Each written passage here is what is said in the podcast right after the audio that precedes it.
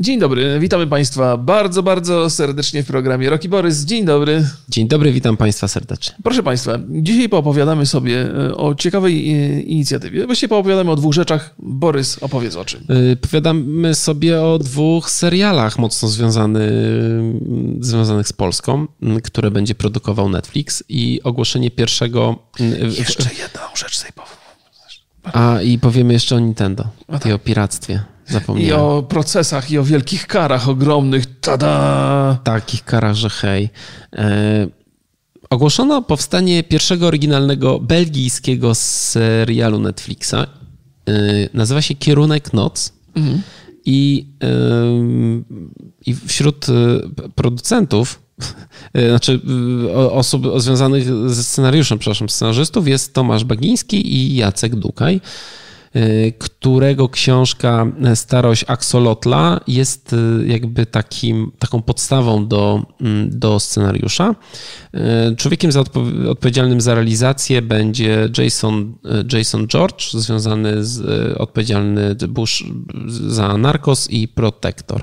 Nie, czekaj, coś, po, coś, coś pomie, pomieszałem. Tak, dwa seriale. Producentami będą wykonawczymi Bagiński i Dukaj.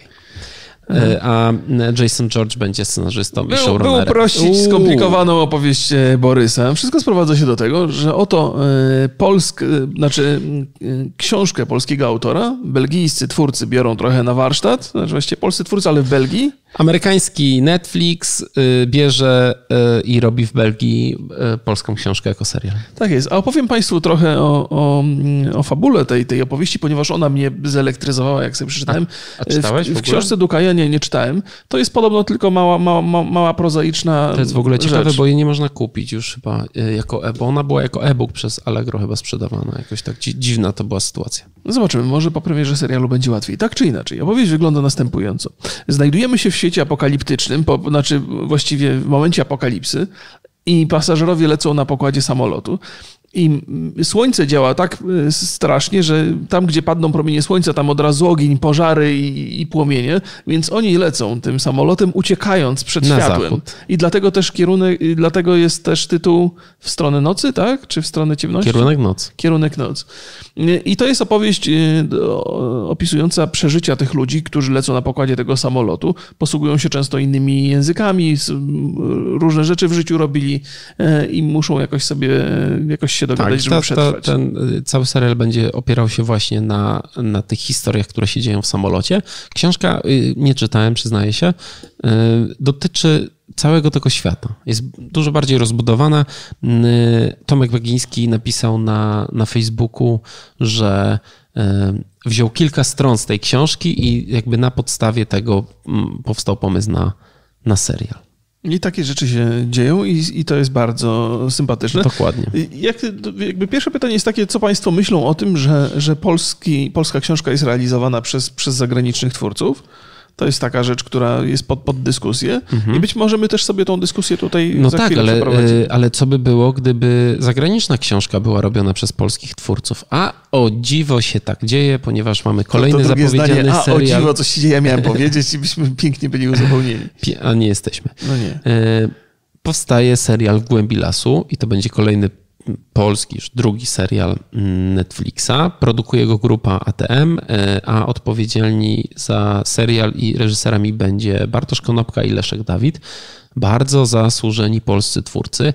Bartosz Konopka Królik po, Berlin, po berlińsku, Lęk Wysokości, czy Ostatni Krew y, Boga, którego nie, niestety nie, nie oglądałem, ale Szek Dawid y, z, z, odpowiedzialny za Jesteś Bogiem, Broadpeak, który jest w realizacji i serial Pakt na przykład.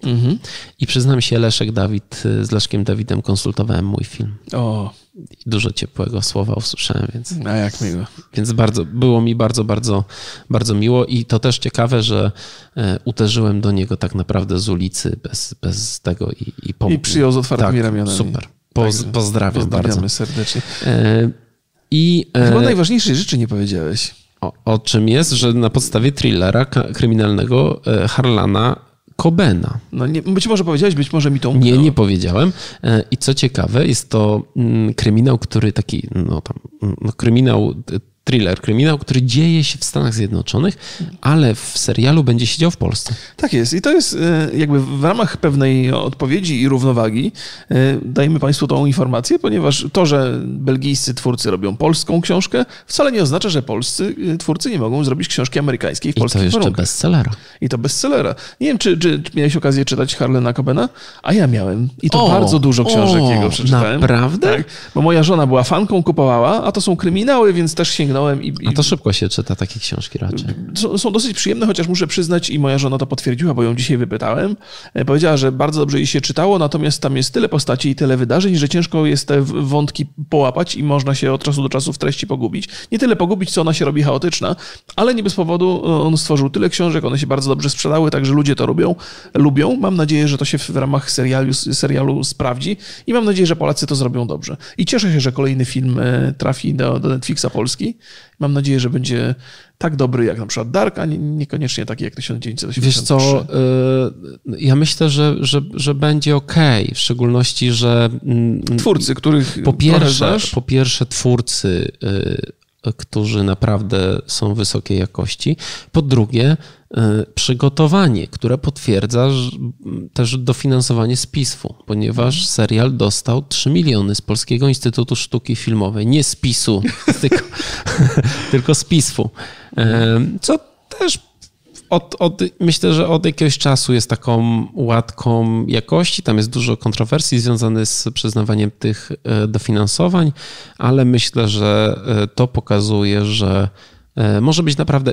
Ja powiem Ci szczerze, dużo bardziej ufam projektom filmowym, które są oparte na już jakim, na jakiejś bazie, na przykład na książce, niż takim po prostu y, stworzonym, bo zwykle te książki, w szczególności bestsellery, no mają tą chociaż strukturę tak zrobioną, że to będzie ciekawe. Tak jest, to absolutnie się zgadzam i nawet sobie zerknąłem. Chciałem Państwu podrzucić trochę ciekawostek. E, I jest sporo e, seriali, właściwie sporo filmów też to jest zrozumiałe, powstaje na bazie, na bazie książek, ale sięgałem po seriale, więc pozwolę sobie Państwu wymienić kilka tytułów. Ciekawe, czy, czy Ale widzieliście. co za seriale będziesz... E, Będę opowiadał o serialach, które zostały właśnie zrobione na bazie książek. A, I być no to- może niektóre będą dla Państwa niespodzianką. Na przykład taki serial, który został e, stworzony na, książce, na bazie książki napisanej przez brytyjskiego polityka, e, Michaela Dobbsa, konserwatywnego polityka. I zgadniesz, jaki, jaki był tytuł tego serialu? Mm, House of Cards. Tak jest, House of Cards, proszę Państwa. Borys trafił. Czy ktoś z Państwa trafił? E, Drugi, drugi, to też może być ciekawa zagadka także, także dla Państwa. Otóż jest taki e, funkcjonariusz FBI, który się nazywa John Douglas i on napisał, pisał kroniki różnych spraw e, organizowanych przez FBI. Mindhunter, Ja już mam tą książkę na Kindle. Aha, no Jeszcze więc- nie rozpoczętą. Więc jest Mindhunter i to jest, te kroniki nazywały się Mindhunt, Mi- Mindhunter Inside the FBI's Elite Serial Crime Unit. I ciekawostką jeszcze kolejną jest do tego, że Milczenie Owiec także powstało na bazie tej kroniki. E, Więc to. E, Kolejna rzecz. E, Pipi Kerman. Dziewczyna, która została, która spędziła chyba 5 lat w więzieniu za, za handel narkotykami, napisała książkę i na, tej, na bazie tej książki powstał także bardzo znany Netflixowy serial. Boże, Orange is the New Black. Tak jest, panie Borysie, Ale bardzo to, dobrze. to nie wiedziałem zupełnie, tylko jakby z... No, ta, ta historia podobna, więc... E, 3 na 3. Tam na, następnej zagadki już House nie będę... Cards zgadywałem, od razu mówię. Mindhunter wiedziałem, ale... No to i tak dobrze o tobie świadczy. Ciekawe, ile, ile tam strzałów u państwa padło celnych. E, 13 powodów także jest na bazie książki napisanej przez e, Jay Asher, E, więc jest trochę takich rzeczy. I od razu pomyślałem sobie, że to też zadam tobie to pytanie i państwu również, że przejdę się po swoich książkach i zastanowię się, kto, jaki, jaki chciałbym serial zobaczyć na bazie, na bazie, na bazie takiej książki. E, I od razu sięgnąłem po Jima Butchera, to jest taki jeden z moich ulubionych pisarzy science fiction. E, Akta Dresdena napisał. E, To jest taka przygoda detektywa, który trochę e, w takim ukrytym, magicznym świecie działa. I co się okazało, że ten serial powstał całe lata temu. I co, nie oglądałeś? Nie oglądałem. To znaczy, przypomniałem sobie, że widziałem gdzieś jakieś trailery, ale jeszcze zanim czytałem książkę i dopiero potem powiązałem fakty.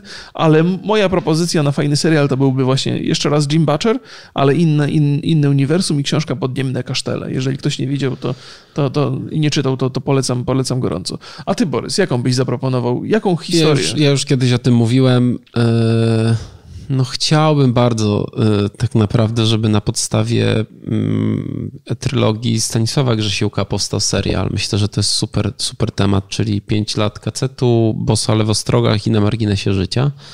O czym to są książki?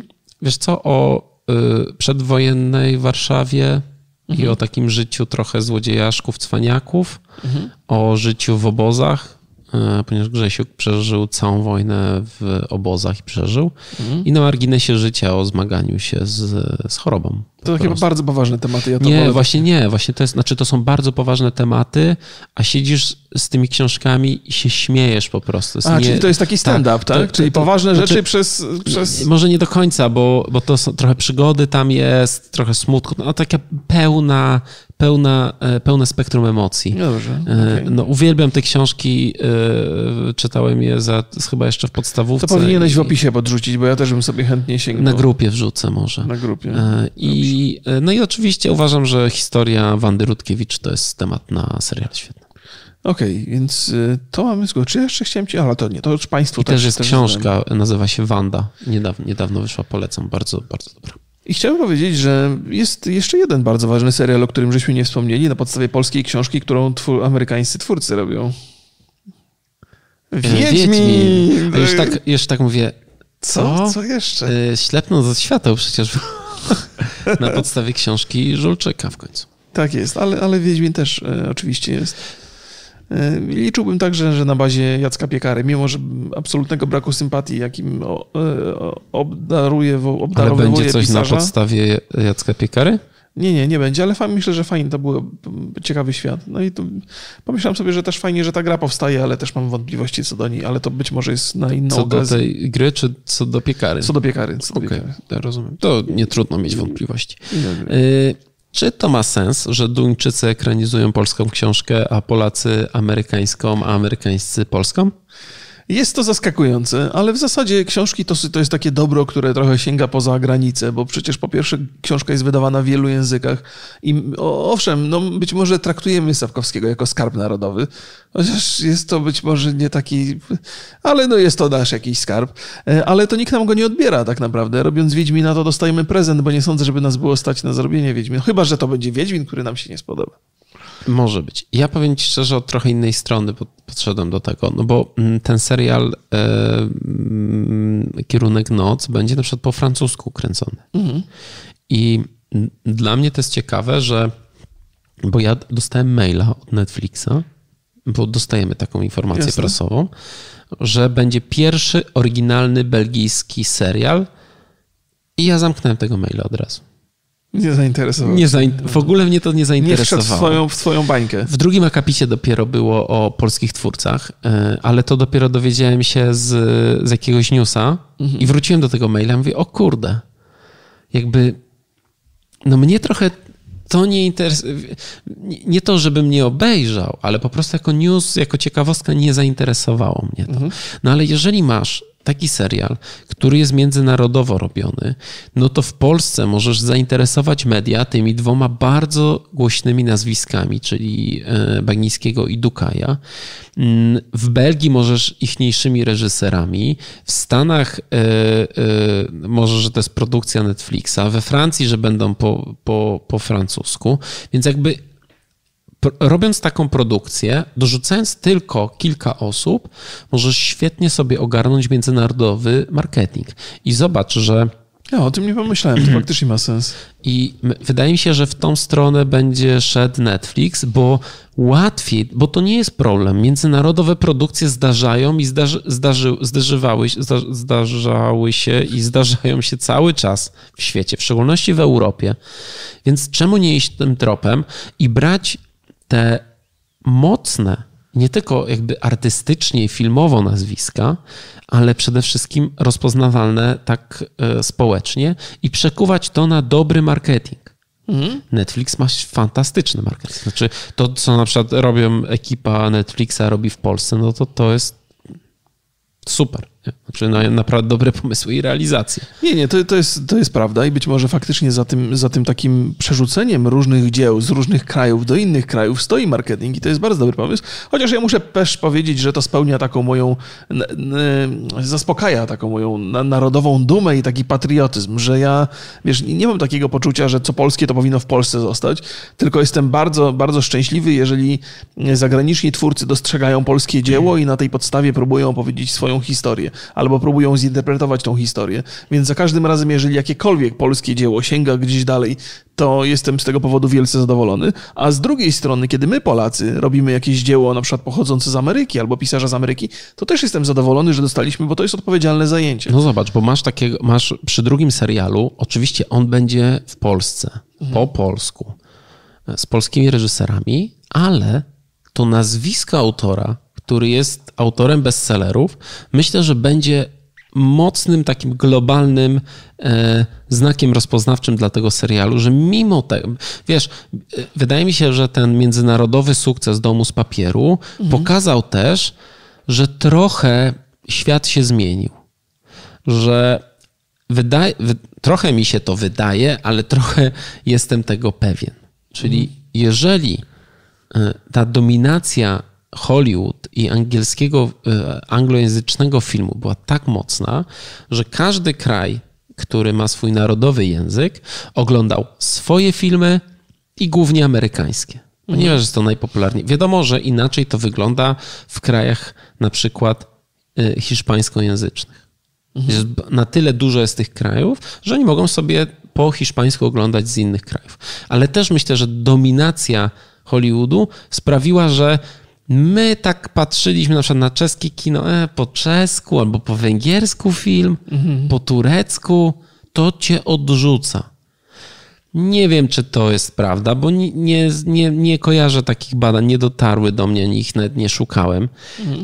Ale widzę po znajomych, jak ja na przykład, albo na przykład żonę zabieram na jakiś film. I ona mówi po hiszpańsku na Almodowarze, Al- Almodowarze byliśmy ostatnio. E, Zresztą fantastyczny film. I wyszliśmy i ona też tak, wiesz, o, ale super film, nie?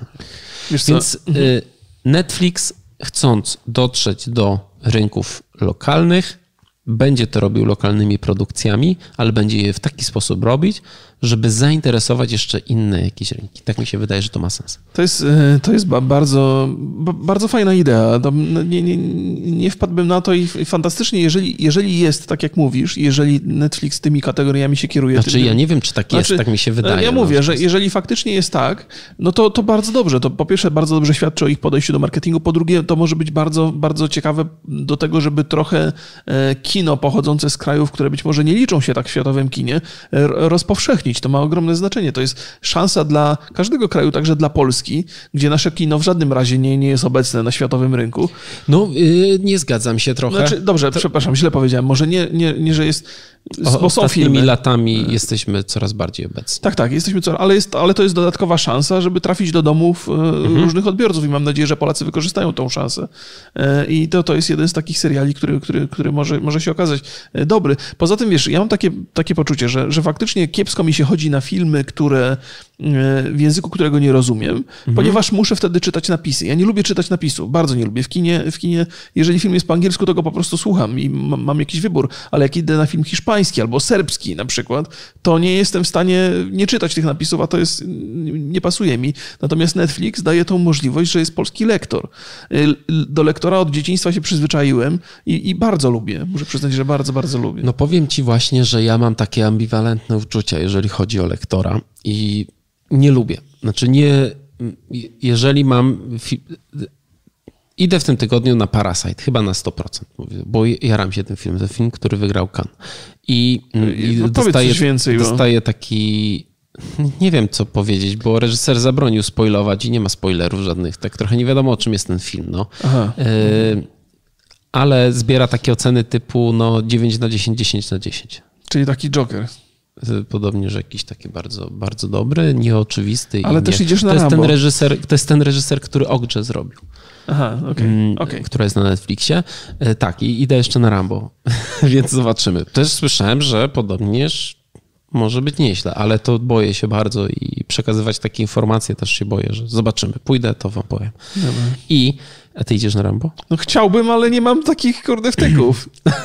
Jak No, bo ty. nie macie w Warszawie wtedy, no. No, no. E, I Jezu, zgubiłem wątek. O czym ja mówiłem? E, opowiadałeś A, o tym, że e, jedziesz na Parasite? E, Nie, nie, czekaj. Boże, zgubiłem się całkowicie. Poczekaj, spokojnie. Co, o czym Z- rozmawiam? O, w ogóle o czym, gdzie ja jestem? No już ja się skupiłem na tym pasożycie niestety. Mm, bo zacząłeś mnie o ten koreański film, o lektor. Lektora lektora ambiwal- lubię. Boże, ale dygresja dygresji po prostu No. się zamotałem. Przepraszam, przepraszam bardzo. Więc z tym lektorem jest tak, że mimo, że nie znam języka, to wolę Słyszeć su- aktorów? słyszeć aktorów. To jest dla mnie dość kluczowe, ale rozumiem, że to może być pewien problem dla wielu, wielu osób. I na przykład, jak, jak oglądam gdzieś, e, przyjeżdżam do teściów czy do rodziców, oglądam jakiś film, to tam w telewizji leci film z lektorem. I nie jest to jakaś, jakieś tragiczne przeżycie. No. Nie, Wiesz nie, co? Ja ci powiem, bo, bo twój punkt widzenia jak najbardziej jest dla mnie zrozumiały. Natomiast y, ja, ja uważam, że kiedy czytam napisy, to nie widzę aktorów. I to jest, wiesz, to jest, to jest, y, to, to może być to zaskoczenie, nie? Mhm, Ale, ale, ale w- wtedy gdzieś y, aktorzy i cała ta gra i cały ten film trafia do tego, do tego widzenia takiego nie to na co patrzysz, tylko gdzieś to się dzieje trochę poza, poza, poza tym głównym twoim skupieniem. I jakby pierwszy raz dostrzegłem coś takiego, kiedy zacząłem chodzić na syny, z synem na, na filmy z dubbingiem, E, bo wcześniej żeśmy korzystali tylko, nie było tego dubbingu w tych filmach. E, i Teraz stał się powszechny i nagle odkryłem, że widzę znacznie więcej w filmie, e, chodząc na filmy z dubbingiem. Mimo, że jak ten film był po angielsku, to rozumiałem wszystko, to i tak fakt, że tam jest napis, to skupiał moją uwagę. I teraz, mimo że te dubbingi z reguły są słabe i są nieporównywalnie gorsze do tego, to od czasu do czasu mocno się zastanawiam, bo więcej więcej z, z całego filmu do mnie dociera. I dlatego tego lektora akceptuję. Przyzwyczaiłem się do niego w młodości i mam wrażenie, że, że, że, że wbrew wszystkiemu bardziej tych aktorów obserwuję, że, że, że bardziej czuję tą historię, że bardziej dostrzegam to, co reżyser chce pokazać, bo żaden reżyser nie robi filmu z myślą o tym, że ktoś będzie czytał napisy i na nich skupiał uwagę. Ten obraz też ma znaczenie, nie? A, a napisy mi to odbierają. Ja robiłem trochę. Napisów? Nie, ja robiłem na przykład tak, że wiedziałem, że będzie film z napisami, więc wszystkie elementy takie jak typu jakieś takie belki, podpisy dawałem trochę wyżej, żeby Aha, no mieć to tak. miejsce na, e, na napisy. Ale rozumiesz mój Ja oczywiście widzenia. rozumiem, przy czym ja od, y, od zawsze tak naprawdę oglądam filmy z napisami i bardzo mocno się przyzwyczaiłem. Staram się też, to jest taka nauka, to jest taka mm, lekcja dla wszystkich fotografów, którą ja też przeszedłem, czyli uczenie się patrzenie na, patrzenia na obszar, a nie na punkt. Kurczę, ale to nie jest, no jakby, jakby rozumiem, ale to w, w teorii to się zgadza, bo fa- faktycznie czytając napisy musisz patrzeć na obszar, bo jednak dostrzegasz kawałek tego obrazu, Mhm. ale to jest coś, co odwraca uwagę i że to pozbawiasz się, że twoja percepcja nie jest skupiona dokładnie na tym, co reżyser chciał zrobić. Wiesz co, ja y, jednak kupę lat zajmowałem się fotografią i jest taka, jak patrzysz w wizjer a, aparatu, to jest to, żeby nie skupiać się na niczym, żeby o, A, żeby, to- żeby patrzeć na, na cały kadr.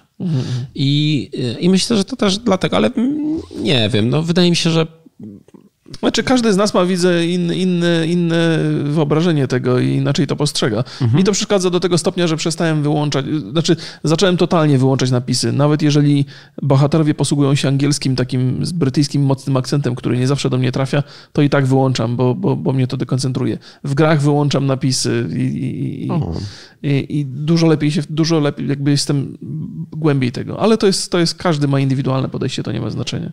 okej. To zamyka nasz temat? To myślę, że który tak, się rozrósł, może- bardzo ciekawie. Może nas w za, zamyka stronę. temat, ale, ale będzie połączony z, e, z, z drugim, czyli Nintendo pozywa stronę oferującą pirackie gry na Switcha i romy na stare, na stare konsole, czyli ROM Universe. Z notatek twoich widziałem, że nie tylko jest to temat, który jest bezpośrednio związany z Nintendo i z tą konkretną sprawą, Mm. która jest interesująca. Z filmami też, więc Z filmami, z piractwem Mhm. i z wpływem piractwa na rynek i rozwój. Więc zamieniam się w słuch. Historia jest taka, że mm, mm, Nintendo pozwało ROM Universe, czyli serwis, który za tam 30 dolarów rocznie oferował użytkownikom dostęp do tysięcy plików, w tym gier na Switcha, na 3DS-a, na jakieś tam różne inne rzeczy. E, I Nintendo domaga się oczywiście pirackich, jak, jak myślę, że wszyscy zrozumieli. Firma domaga się 150 tysięcy za każde naruszenie praw autorskich i do 2 milionów dolarów za każde naruszenie znaku towarowego. Cudowny jest to pomysł, ale nie jestem fanem. Powiem, dlaczego? Znaczy, ja po, po, pierwsze, przede wszystkim nie jestem fanem e, takiej skrajnej walki z piractwem. Wiele razy żeśmy mieli do czynienia z taką sytuacją, gdzie e, piractwo przyczyniało się do rozpowszechniania dzieła. E, I to nawet chyba opowiadałem o tym przy, przy grze o Tron, że, że twórcy w zasadzie jakby pogodzili się z faktem, że na torrentach to się tak strasznie ogląda, ponieważ ma to bardzo duży wpływ na sprzedaż potem na nośnikach fizycznych e, tej, tej, tej, tej gry o tron, kiedy ona, kiedy ona się pojawiała w takiej... A wiesz, że zostało to zbadane? Tak? Mhm. No to chyba na podstawie badań. Jest taki, chyba, że, chyba, jest że... taki e, raport mm, Komisji Europejskiej, Aha. który e, wypłynął tak naprawdę o wpływie piractwa na, na sprzedaż na rynek. Mhm. Ten raport został w 2015 chyba uwolniony przez e, jedną z deputowanych partii piratów czyli jakby nielega, ona nielegalnie go upubliczniła, mimo że e, a komisja chciała go jakby, no nie chciała go pokazywać, co jest bardzo ciekawe, bo chyba nie pasuje im e, tak, wynik, ten, tak. wynik tego badania.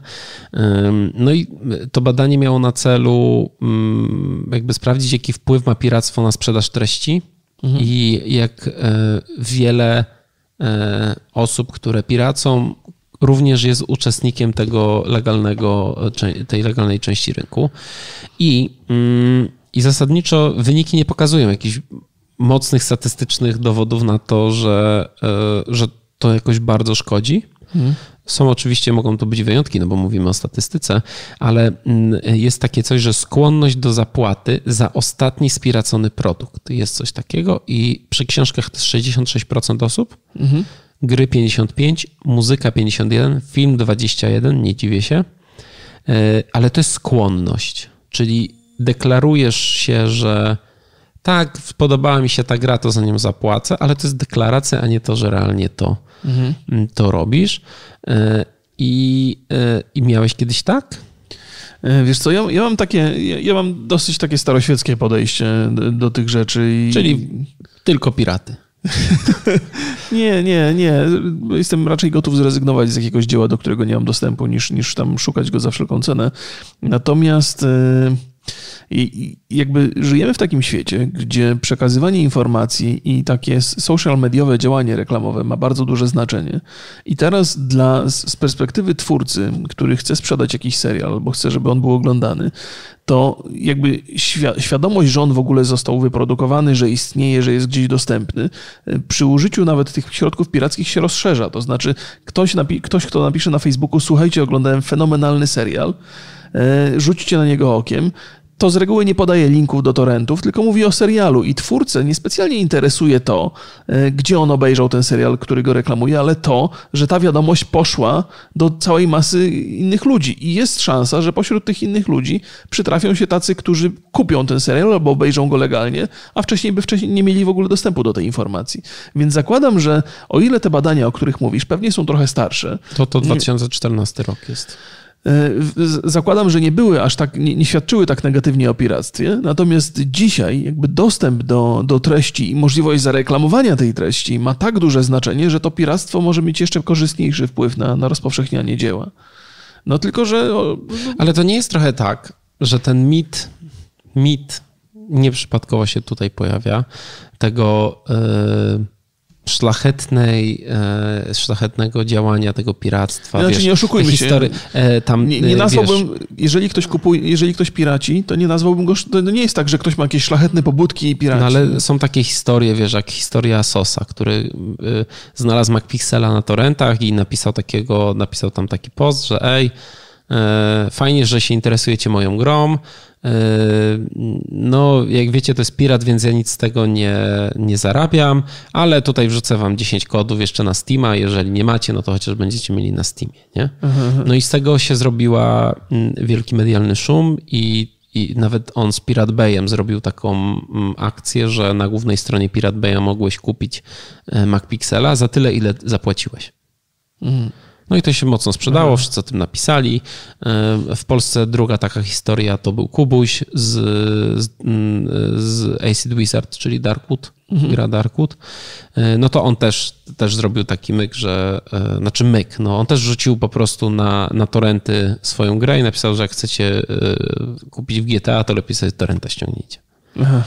przynajmniej, macie, przynajmniej macie legal. No i wydaje mi się, że te historie o takich, e, sytu, takich sytuacjach, gdzie mówisz, o, e, jesteś na torrentach, no to wiesz, ludzie się tym zainteresują, to przełoży się na marketing, gra się więcej sprzeda, ale to są historie pisane przez zwycięzców. Mhm nie mamy tych historii tych ludzi, którzy wiesz, bo zwykle masz statystyki, wiesz ile, ile osób yy, robisz tam, nie wiem, nie wiem na jakiej zasadzie to działa, ale chyba robiąc grę w Unity możesz wiedzieć ile osób gra naraz. Aha. Ile osób grało.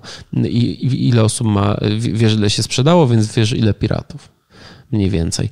I, i widzisz, że jak ci się sprzedało 300 kopii, a 1000 osób na piratach gra, to jest na no pewno to, bolesna statystyka. No to, to, ci ten marketing i tak nie pomoże, nie? Nie, nie, ja, ja wiem, wiem, wiem. Oczywiście, że to są, to są te ciemne znaczy, strony. Wiesz, zawsze tych... można powiedzieć, dobra gra się zawsze obroni i się sprzeda. Nie, znaczy to, to tak nie działa. Już. No, no, no. Jest, jest tak, że... Mm, ci, ci, jakby tych mrocznych obli, oblicz piractwa jest pewnie więcej. Tam od czasu do czasu słyszymy o takich korzystnych sytuacjach z tym związanych.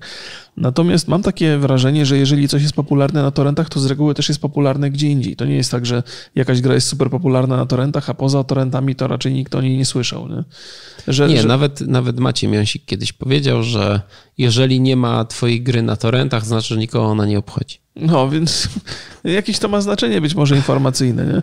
Ale wracając trochę do historii Nintendo, mhm. to trzeba przyznać, że oni mają absolutnie skłonność do walczenia z, z jakąkolwiek formą piractwa albo jakimkolwiek podejrzeniem, że ktoś może wykorzystywać ich dzieło e, i oni, żeby na tym nie zarabiali. Z mojej perspektywy słynne było to, że, że wszystkie, jeżeli chciałeś wrócić, wrzucić na Nintendo e, jakikolwiek gameplay z ich gry, to musiałeś się dzielić, tak, na YouTube'a, to musiałeś się dzielić z nimi przychodami. Mhm. Był specjalny program, który, e, który to umożliwiał. Ci, nawet był taki by, był taki problem i dużo osób o tym rozmawiało, czy czasem tak nie powinno się robić, że robiąc gameplay, gdzie ty spełniasz swoją rolę i sprawiasz, że ten gameplay jest atrakcyjny, sprzedajesz swoją osobowość, tam jakby jesteś, jesteś tam e, gwiazdą, to jest jedna rzecz, ale druga rzecz to jest to, że, że jest tam ta gra, to dzieło tych twórców mhm.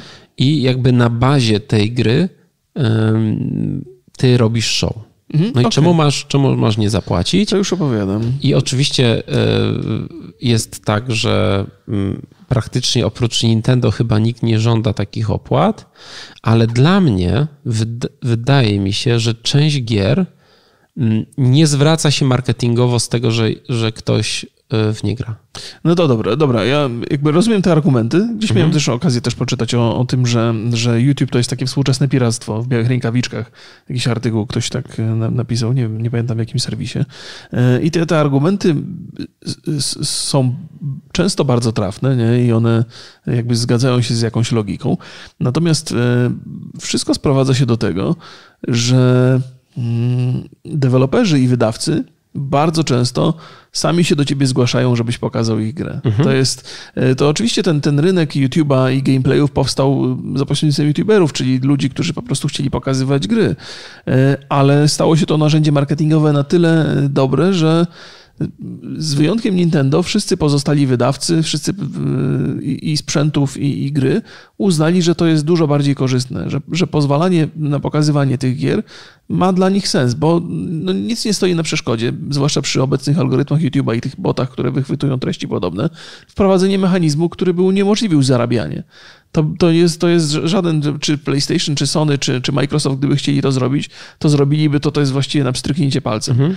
Jeżeli tego nie robią, to znaczy, że gdzieś tam w, tej, w tym ogólnym rozrachunku... No, no ich... dobra, ale Sony, Microsoft, Nintendo to są ogromne filmy, dla których YouTube to jest tylko część marketingu, a rozmawiamy na przykład o indykach, gdzie typ zrobił grę i wiesz, i nagle pół internetu gra w tą grę, a ona się jakoś specjalnie nie, nie sprzedaje.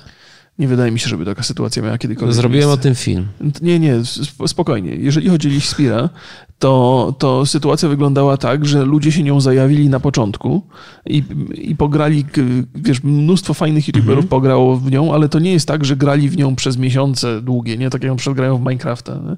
To, był, to jest inny, inny rodzaj. To jest taki rodzaj zajawki, który wystarczył na godzinę, dwie, żeby sobie popykać. Natomiast nie angażowali się w tą grę, nie tworzyli z tej gry produktu, który funkcjonowałby na ich kanale i zarabiałby im pieniądze. No ale jeżeli sobie zobaczysz na przykład, znaczy wiesz, y, y, ta- tam była taka historia, że y, M- Marki Pyler on się nazywa? Mar Markiplier. Markiplier? Player? Player? Player, player do, od gier, więc tak, na pewno? No chyba tak.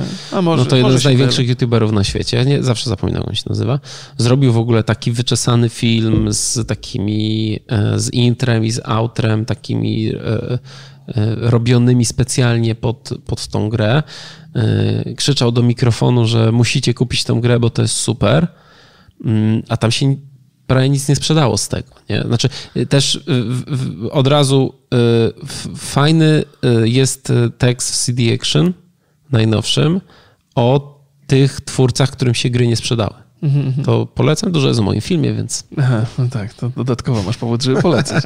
Z, zachęcamy tak czy inaczej, ale wiesz, bo, bo to, to ten, ten, ten mój przypadek wydaje mi się, że, że właśnie mogę go sprowadzić do tej sytuacji, że, że ci ludzie nie, nie angażowali się w tą grę tak dużo, ale no wiesz, naj, najbardziej popularny na, na YouTubie nadal jest Minecraft. i teraz skoczyła sprzedaż. No, jest, jest, jest y, Fortnite, nie? który jest świetnie. Nic się tam nie sprzedaje ta gra. No, więc tam jest jak- jakby.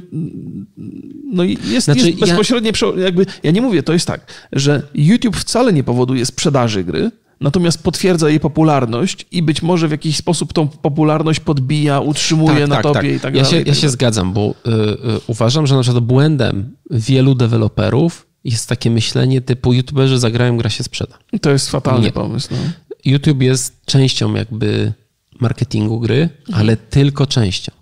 Czyli wszystkie inne pozostałe jakby te w- ścieżki dostępu do, do gracza też trzeba jakby zrealizować, też trzeba tam popracować. Czy to teraz streamy, które są takie bardzo, e, bardzo na topie, czy prasa, czy recenzje jakieś. No, jest dużo, dużo rzeczy, czy nie wiem, no, ekspozycja na, w, w sklepie Steama. Ja Bo powiem, to jest, to jest na przykład, wiesz, że to jest mm, rzecz, która najwięcej i najlepiej sprzedaje, to, że jesteś na głównej Steama. No tak, tak, to, to, bo to ma bezpośrednio, to jest podpięte zaraz do twojego portfela praktycznie. Ale powiem z, z pewnych Mhm. ciekawostek a propos jak wyglądają te, te kampanie i jak współprace z youtuberami, streamerami wyglądają, bo e, naj, najbliższą kampanię, na razie nie będę mówił o jaką chodzi, raczej mogę, ale to nie ma akurat znaczenia. Mam taką, że e, zgłosił się do mnie wydawca, który e, jakby widział, że grałem w jego gry już od długiego czasu i pokazywałem je i zaproponował mi współpracę, która nie tylko polega na tym, że pokażę grę, ale że będę się w nią angażował przy każdym większym update'cie, że będę pokazywał, że, że, to, że to się staje częścią jakby mojej, mojej twórczości. Nie? I to jest taka propozycja współpracy, która z jednej strony jest bardzo Bethesda. angażująca. byłoby cudowne. Sobie pluł w brodę, ale bym pokazywał. E, Ale to, to, jest, to jest e, o tyle spoko, że jakby do tej pory wszystkie te gry, które robili, nie, bardzo mi się podobały i długo, dużo czasu przy nich spędzałem, więc mogę zaryzykować taką, taką dłuższą współpracę. Więc e, jakby z, z perspektywy twórców gier i wydawców też już jest trochę inne myślenie. Już się nie myśli tylko o tym, żeby pokazać to w dniu premiery i sprzedać, tylko żeby to się stało Tak. częścią Gra, pewną. gra usługa. Tak jest. Tak, I- że ten, ten i- żywotność jest jak się już youtuber sprzedaje, to na lata. oby. No, e, ja też o tym mówię, bo chciałem wrócić na chwilę do tego tematu, czy twórca powinien dostawać jakąś kasę z gameplay albo ze streamów. Myślę, że po pierwsze, to powinna być decyzja twórcy. To mówię poważnie, bo są takie gry, które ileś tam się wyświetlały na, na YouTubie i nie sprzedawały się. Takie trochę gry książki, nie? że to masz e, jakby taką fabułę, nie, nie masz jakiegoś dodatkowego gameplayu, które obejrzysz i w sumie nie masz potrzeby po nie sięgać. Uważam, że to powinna być decyzja mm, twórcy i nie powinien być to duży procent. Znaczy, jeżeli z danego gameplayu ktoś by ci zabrał 10%, To nikomu krzywda się nie to stanie. myślę, że to nie byłoby. No to taki, wiesz, trochę taki zaiks, nie? Znaczy ja nie jestem miłośnikiem jakichś takich podatków, takich rzeczy, Nie, nie, ale jako... ale jako... to jest, jako że jesteś, jako że twórca gry jest po części twórcą twojego kontentu, no to wydaje mi się to ok. Ktoś, kto nie chce, niech nie robi. Ale jeżeli ktoś chce w coś takiego wejść, no to myślę, że te platformy, czyli YouTube i Twitch, mogłyby to u, u, Uwzględnić. uwzględnić bardzo, bardzo prosto i myślę, że nie byłoby. Y, Z, z, perspektywy, z perspektywy twórcy zajmującego się grami głównie, to muszę powiedzieć, że to nie byłoby duże obciążenie. Nawet miałbym takie, takie poczucie satysfakcji, że też się dokładam, bo mam to poczucie satysfakcji, bo uważam, że się trochę dokładam marketingowo, Tak, mimo że ten pewno, marketing pewno, jest pewno. nie, nie, nie zawsze pewny. Natomiast nie miałbym nic przeciwko temu, żeby te 10% pobierali, może nawet więcej. Znaczy, jak było pewnie za dużo, to bym uznał, że to chyba lepiej nie Nie, pokazywać. ja nie? myślę, że właśnie, że nie ma sensu, bo to jest takie właśnie raczej myślę 5-10%, chociaż wiadomo, że no, u nas w Polsce nie ma z tego YouTube jakichś nie wiadomo wielkich pieniędzy, no ale takie 5% od PewDiePie'a, panie, co, brałbym bez to- zastanowienia. To, to nawet nie chodzi o 5% od jednego twórcy, tylko tam jest tysiące twórców Tysiące czasami, małych no. twórców, tak, tak. I na tym tak. się może okazać, że nagle zarabiasz więcej na, na pokazywaniu tej gry na YouTubie niż na sprzedaży, żeś zarobił, nie? No i jest gra usługa, no i super, jakby, no i wydaje mi się, że to jest bardzo, bardzo fair. Tak, jest- Wątpię, żeby coś takiego było. Znaczy przede wszystkim YouTube i Twitch musiałyby udostępnić narzędzia, że z jednej strony klejmujesz materiał, ale z drugiej strony Zobacz, że pobierasz teraz- tylko procent. Zobacz, że e, teraz wygląda to w taki sposób, że i Twitch, i nie wiem, czy YouTube na pewno rozpoznaje gry. No, nie ma cienia wątpliwości. Nie ma problemu, rozpoznaje wszystkie gry. Więc wystarczy, że nie wiem, połączysz swoje konto deweloperskie Steamowe z YouTube'em. No i masz przecież, widać, że tego, to tam nie ma jakichś, nie, nie sądzę, żeby tam A na Twitchu jakieś... Mhm. wpisujesz tytuł gry, więc to też jest jakby od razu wiadomo, nie? System Tak. to rozpoznaje.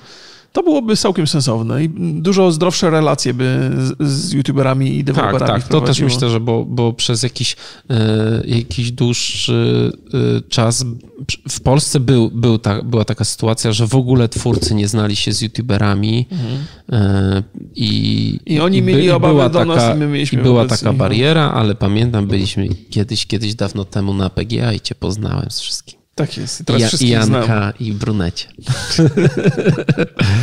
E, A słyszałem, że nie jedziesz na PGA jednak. Nie jadę, nie Mm. jadę. Ja jadę chyba jednak. Bez ciebie pojadę, a co? No tak ża- żałuję trochę, ale się zbiegły mi dwa terminy. No wiem, no wiem. stanie E. Czy my chcemy jeszcze coś tutaj powiedzieć? Aha, jeszcze jedna rzecz. E, Wracając do tego Nintendo, bo odbiegamy od tego tematu.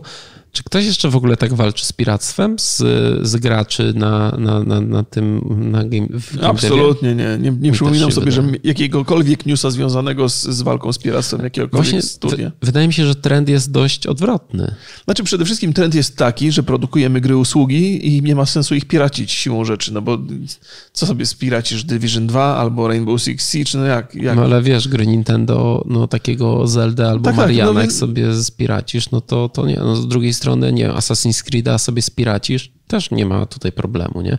Wiadomo, że gier e, online nie, nie ma to sensu zupełnie.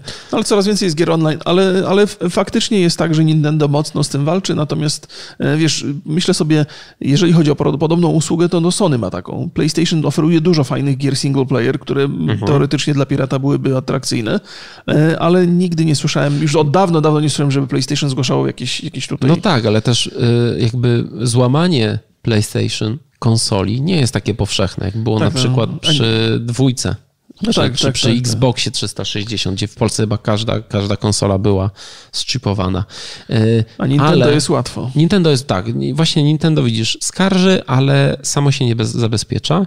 Może to dobrze, bo wiesz, wymyśliliby kolejnego jakiegoś Securroma albo Denuvo i byłyby same problemy, ale ja tak się zastanawiałem, że może chodzi o to, że ciężko popatrzeć swoim deweloperom w oczy i, i powiedzieć, nic nie robimy z tym, że nas okradają. Aha, może dlatego. Nie wiem. No, wydaje mi się, że to takie jest podejście emocjonalne trochę, że to, e, a może kulturowo związane z Japonią. No może, może. Nie, ja, ja mam, mam, dziwię się, że Nintendo działa w ten sposób. To znaczy akurat ta strona, o której mówimy dzisiaj, no to tam zdecydowanie są ich produkty, czyli produkty Nintendo są, są oferowane za darmożkę i no, może musieli podjąć takie kroki. Może w przypadku torrentów czy innych takich mniejszych rzeczy.